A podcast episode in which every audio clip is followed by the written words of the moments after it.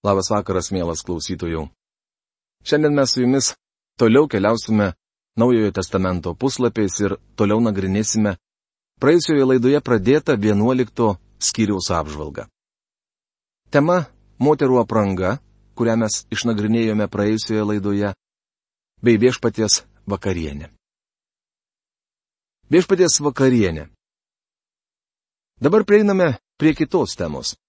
Atrodytų tarsi peršoktume nuo vieno kraštutinumo prie kito, nuo šukuosenos ir apsirengimo prie viešpaties vakarienės, be ne švenčiausios dalies mūsų santykiuose su Dievu. Esu tikras, kad šiandien daugelis bažnyčių nesupranta tikrosios viešpaties vakarienės prasmės. Todėl kai kur jį tampa paprasčiausia šventvagyste. Paulius sako, kad Dievas baudžiamus, atsižvelgdamas į tai, kaip laikomės viešpaties vakarienės. Iš tikrųjų, kai kurie krikščionys buvo pasiligoję ir net numirė dėl to, kad jos laikėsi netinkamai. Jie nepaisė Kristaus kūno. O kaip mes? Ar paisome Kristaus kūno? Daugelis iš mūsų paprasčiausiai laikomės nustatyto metodo, kiekvienos ritualo detalės, bet ar viešpaties vakarienės metu iš tikrųjų paisome Kristaus kūno? Viešpaties vakarienė yra švenčiausia krikščioniško garbinimo išraiška. Korintiečiai jie buvo nuvertinę ko ne iki šventvagystės lygio. Šią atkarpą būčiau priskyręs dvasiniai laiško daliai, jei Paulius nekalbėtų apie apgailėtiną situaciją Korinto bažnyčioje. Dėl to priskyriau ją kūniškai laiško daliai.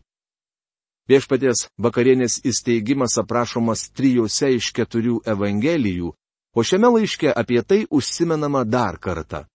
Įdomu, kad mums niekur neliepiama prisiminti viešpaties gimtadienio, Tačiau tiems, kurie yra jo, įsakoma prisiminti viešpaties mirties dieną. Paulius viešpaties vakarieniai teikė ypatingą reikšmę. 23 eilutėje jis sako, aš gavau iš viešpaties ir perdaviau jums, kad viešpats Jėzus tą naktį, kuria buvo išduotas, paėmė duoną. Apaštalas Paulius gavo tai tiesioginio apreiškimo būdu. Pirmiausia, aš jums perdaviau, ką esu gavęs, būtent Kristus numirė už mūsų nuodėmės, kaip skelbi raštai. Rašoma pirmame laiške korintiečiams 15 skyriuje trečioje eilutėje. Paulius tiesiogiai gavo Evangelijos ir viešpaties vakarienės apreiškimą. Viešpats davė jam ypatingus nurodymus dėl viešpaties vakarienės. Atminkite, jog Paulius nebuvo aukštutinėme kambaryje, kuomet buvo įsteigta ši šventė. Turiu pripažinti, jog sunku išvelgti ryšį tarp to, ką Paulius sako Korinto bažnyčiai ir šiandieninės viešpaties vakarienės sampratos.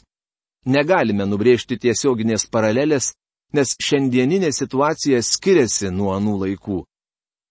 Anomis dienomis prieš viešpaties vakarienę tikintieji dalyvaudavo bendruose vaišėse.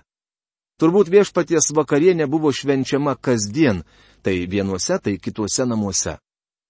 Apaštalų darbų knygoje sakoma, jie kasdien sutartinai rinkdavosi šventykloje, o savo namuose tai vienur, tai kitur lauždavo duoną, džiugia ir taure širdimi drauge vaišindavosi, garbindami Dievą ir buvo visos liaudies mylimi. O viešpats kasdien didino jų būrį tais, kurie ėjo į išganimą. Apaštalų darbų knygos antros kiriaus 46-47 eilutės. Atenų filosofas Aristidas gyvenęs pirmoje antrojo amžiaus pusėje taip apibūdina krikščionių gyvenimo būdą jo dienomis. Šie žmonės garbina ir giria Dievą kas rytą ir kas valandą dėl jo rodomo gerumo.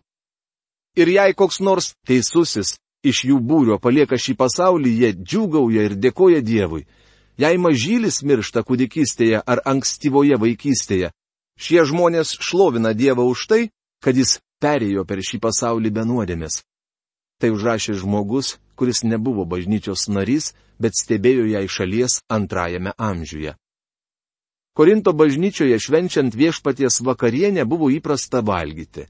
Pagaliau, juk būtent tai buvo švenčiamos Velykos aukštutinėme kambaryje. Po Velykų vakarienės mūsų viešpats paėmė duoną ir ją laužė. Išgestančių, bepraeinančios šventės žaryjų jis įžiebė kažką naują. Ant mirusios šventės pelenų Jėzus Kristus pastatė naują paminklą. Ne iš marmuro ar bronzos, bet iš paprastų maisto elementų. Šiandien įprasta, kad bažnyčių, klubų, brolyjų nariai ar bankų, draudimo kompanijų bei kitų organizacijų darbuotojai susieina draugien papietauti ir pabendrauti. Daugelis neigiamai žiūri į vaišės bažnyčioje. Aš taip pat, jei vienintelis jų tikslas patenkinti fizinius poreikius. Ankstyvojoje bažnyčioje tokios vaišės buvo rengiamos, kad tikintieji galėtų bendrauti. Jos buvo vadinamos agape arba meilės puotos. Tai buvo bažnyčios bendrystės, kainonijos dalis. Anomis dienomis bendruomeninį susirinkimą lydėdavo viešpaties vakarienė. Nors šios dvi dalys buvo atskiros, Agapę visuomet lydėdavo Euharistija. Vėliau šios dvi šventės buvo atskirtos. Šiandien prieš viešpaties vakarienę paprastai nerengiamos vaišės arba meilės puotos. Dėl šios priežasties mes išvengėme apgailėtinos situacijos, kokia buvo Korinto bažnyčioje. Visgi mums yra ko pasimokyti iš šios šventojų rašto dalies. Duodamas šiuos nurodymus aš jūsų negiriu, nes jūsų susirinkimai išeina ne į gerą, bet į blogą. Pirmas laiškas korintiečiams 11 skyrius 7 eilutė. Žodis nurodymai iš tikrųjų reiškia įsakymus. Taigi galima būtų versti duodamas šiuos įsakymus aš jūsų negiriu, nes jūsų susirinkimai išeina ne į gerą, bet į blogą. Kitaip tariant, Korinto tikintieji turėjo susieiti, kad patirtų didelę dvasinę palaimą, tačiau taip toli gražu nebuvo. Pirmiausia, man teko girdėti, kad jums susirinkus kaip bažnyčiai, tarp jūsų esama skilimų, ir aš iš dalies to tikiu. Pirmas laiškas kurintiečiams 11 skyrius 18 eilutė. Čia paštalas kalba ne apie pastatą, bet apie tikinčiųjų susijėjimą. Štai kas yra tikroji bažnyčia. Šiandien kalbėdami apie bažnyčią mes visuomet siejame ją su pastatu. Mums mintise nejučiomis iškyla baptistų, metodistų, presbiterionų, aš kalbu apie Ameriką, ar nepriklausomų bažnyčių pastatai, stūksantis viename ar kitame gatvės kampe. Tačiau gali būti, kad tie pastatai uždaryti ir tušti. Pastatas yra tik pastatas, ne bažnyčia. Bažnyčia tai žmonės.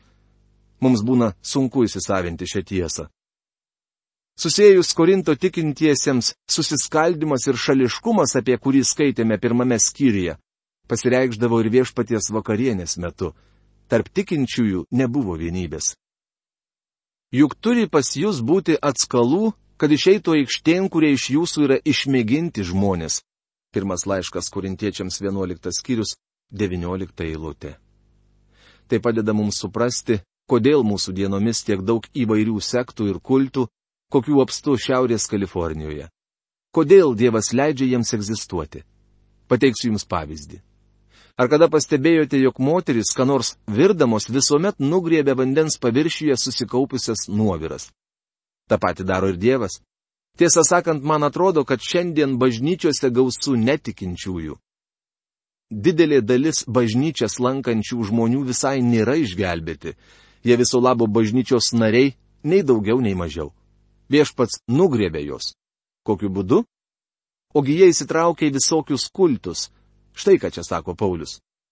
Turi pas jūs būti atskalų, kad išeitų aikštėn, kurie iš jūsų yra išmėginti žmonės sektos ir kultai skleidžia erezijas. Patikėję jomis daugelis palieka bažnyčias ir prisijungia prie melos kleidėjų. Viešpats nugrėbė juos, kad paaiškėtų, kurie yra tikri tikintieji.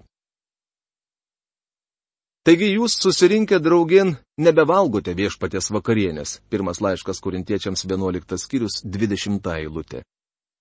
Apaštalas sako, susirinkę draugien jūs negalite valgyti viešpatės vakarienės. Jie negalėjo švesti viešpaties vakarienės dėl apgailėtino elgesio prieš tai buvusių vaišių metu.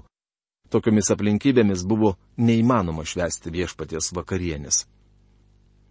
Nes kiekvienas pirmiausia įma valgyti savo maistą ir vienas lieka alkanas, o kitas nusigeria. Pirmas laiškas korintiečiams 11 skyrius 21 eilutė. Na ir komentaras. Tarp jų buvo tokių vargšų, kurie net negalėjo atsinešti į vaišės kelių virtų bulvių. Kankinami alkio jie žiūrėdavo, kaip greta sėdintis turtuolis šlamždavo savo atsineštą viščiuką bei ledus su grėtinėle. Jis sušveisdavo viską, nepalikdavo alkanam vargšui nie trupinėlio. Tokiu būdu bendrystė buvo suardoma. Tokioje padėtyje negalėjo būti jokios bendrystės. Ir tai dar ne viskas. Argi neturite savo namų pavalgyti ir išgerti? O gal norite paniekinti Dievo bažnyčią ir sugėdinti nepasiturinčius? Kas man belieka sakyti? Pagirti? Ne. Už tai nepagirsiu. Pirmas laiškas kurintiečiams 11 skyrius 22 eilutė. Jei jie nenorėjo dalintis, kaip įpareigoja tikra bendrystė, turėjo pavalgyti namuose. Iš tikrųjų šie žmonės skaldė ir griovė bažnyčią. Kai kurie šios agape meilės po tos metu net nusigerdavo. Tokioje būklėje jie tikrai negalėjo prisiminti Kristaus mirties, mat buvo apduję nuo svaigiųjų gėrimų.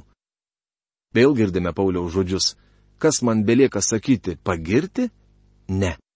Už tai nepagirsiu. Apreiškimas Pauliui.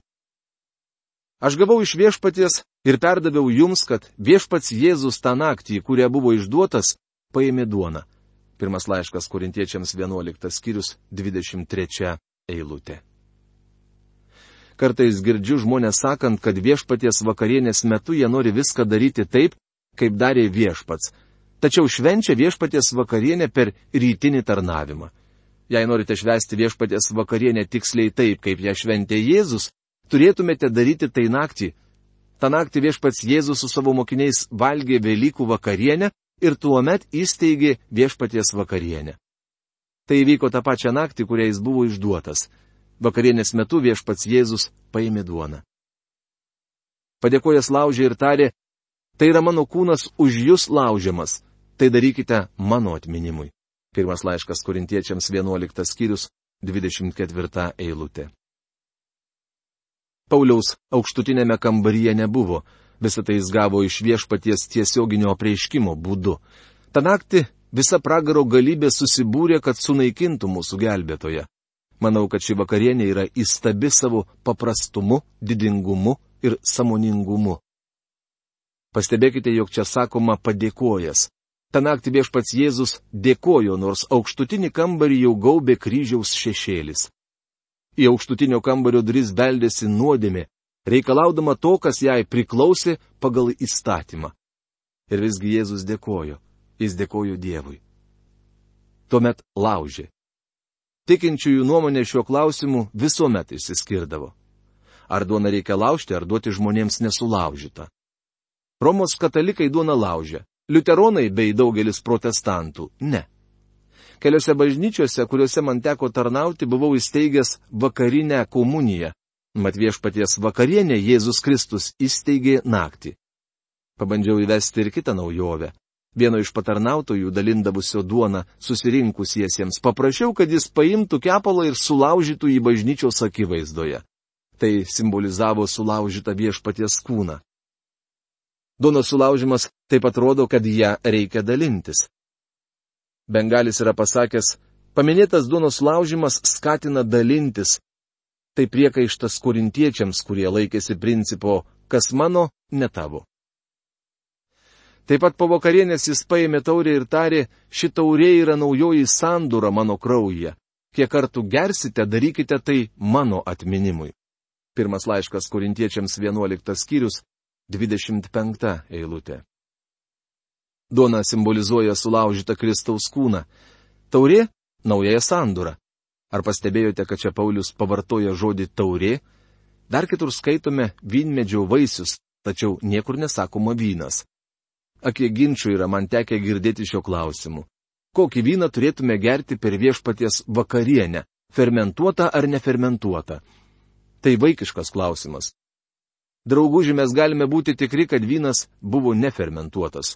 Tuo metu buvo Velykos arba Pascha, neraugintosios duonos iškilmių metas.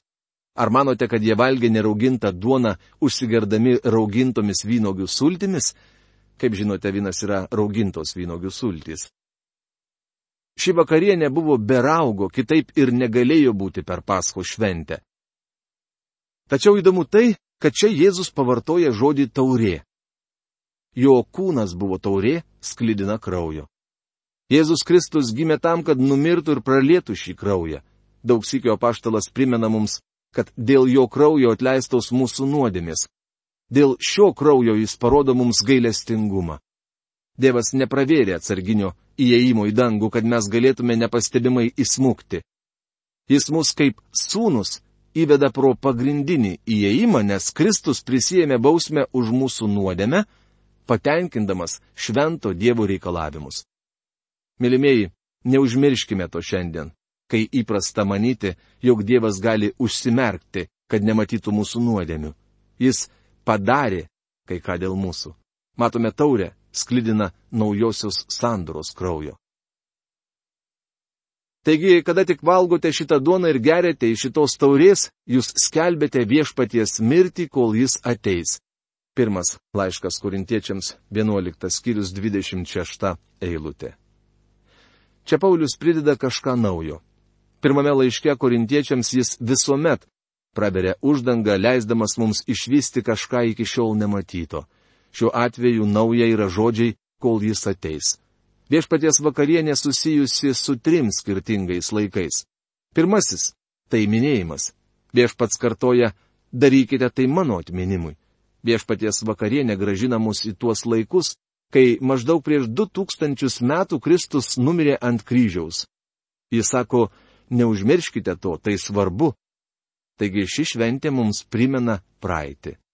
Antrasis - tai bendravimas kartais dar vadinamas komunijos tarnavimu. Mylimieji viešpaties vakarienė susijusi su dabartimi. Jį liudyja, kad šiandien Kristus yra gyvas. Bei trečiasis - tai įpareigojimas. Viešpaties vakarienė kalba mums apie ateitį, kad Kristus sugrįž. Šis stalas nėra amžinas, bet laikinas. Po valgio jis bus nurinktas ir galbūt nebešvesime viešpaties vakarienės, nes darome tai, kol jis ateis. Ji simbolizuoja iškeliavusi viešpatį, kuris netrukus sugrįž. Ši šventė nukreipia mūsų žvilgsnį į ateitį. Viešpats Jėzus Kristus paėmė duoną ir vynogių sultis, trapius, greitai gendančius elementus, silpniausia, kas tik yra šiame pasaulyje, ir padarė iš jų paminklą. Ne iš marmuro, bronzos, sidabro ar aukso, bet iš duonos ir sulčių. Tačiau šie elementai liudija Kristų. Jie sako man, kad aš atsakingas už jo mirtį. Todėl, kas nevertai valgo tos duonos ar geria iš viešpaties taurės, tas nusikals viešpaties kūnui ir kraujui. Tai ištiria žmogus pats save. Ir tada te valgo tos duonos ir te geria iš tos taurės. Kas valgo ir geria to kūno nepaisydamas, tas valgo ir geria savo pasmerkimą, nes nepaiso viešpaties kūno. Pirmas laiškas kurintiečiams 11 skyrius 27-29 eilutės. Ką Paulius turi omenyje sakydamas, jog mes turime paisyti viešpaties kūno?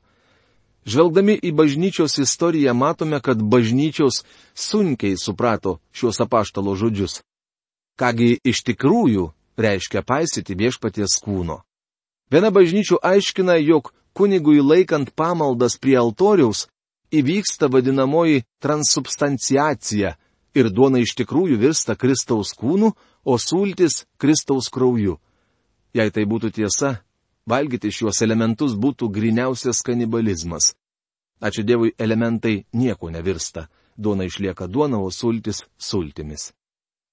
Kaip visame tame paisoma viešpaties kūno? Kita bažnyčia tiki vadinamąją konsubstanciaciją, tai yra Kristaus kūnas pasisavinamas su duona, per duoną, po duoną ar duonoje. Kitaip tariant, duona ir nėra kūnas, ir yra kūnas. Gal jūs tai suprantate, bet aš nesuprantu. Pagaliau Cvinglis, žymus šveicarų reformatorius, žengė dar toliau pareikšdamas, jog viešpaties vakarienė turi tik simbolinę prasme. Ir šiandien dauguma protestantų mano, kad ši šventė visų labo tai yra gražus simbolis. Aš nesutinku su tokiu aiškinimu, kaip ir su dviem kitais, kuriuos minėjau anksčiau. Viešpaties vakarienė yra daugiau negu simbolis. Persikelkime kartu su manimi prie kelio vedančio į Emausą. Manau, kad Luko Evangelijos 24 skyriuje parašyta, ką reiškia paisyti Kristaus kūno ir jo mirties. Du Jėzaus mokiniai, du tikintieji, grįžta namo iš Jeruzalės, kur savo akimis matė siaubingą Kristaus nukryžiavimą ir kitus vėlesnius įvykius. Jie rūškani kaip niekada. Jie dviem keliaujant ir kalbantis apie tai, kas įvyko, prie jų prisijungia prisikėlęs viešpats ir pasiteirauja, apie ką jie kalba, kad atrodo tokie paniurė. Palaikę viešpatį svetim šalių vyrai papasakojo apie Jėzų, kuris buvo pasmerktas mirti ir nukryžiuotas. Taip pat, ką jiems pranešė moterys sugrįžusios nuo kapo. Kai kurie musiškiai buvo nuėję pas kapą ir rado visą, ką moteris sakė, bet jo paties nematė. Jėzus jiems tarė, o jūs neišmanėliai, kokios nerangios jūsų širdis tikėti tuo, ką yra skelbę pranašai. Argi mesijas neturėjo viso to iškentėti ir įžengti į savo garbę?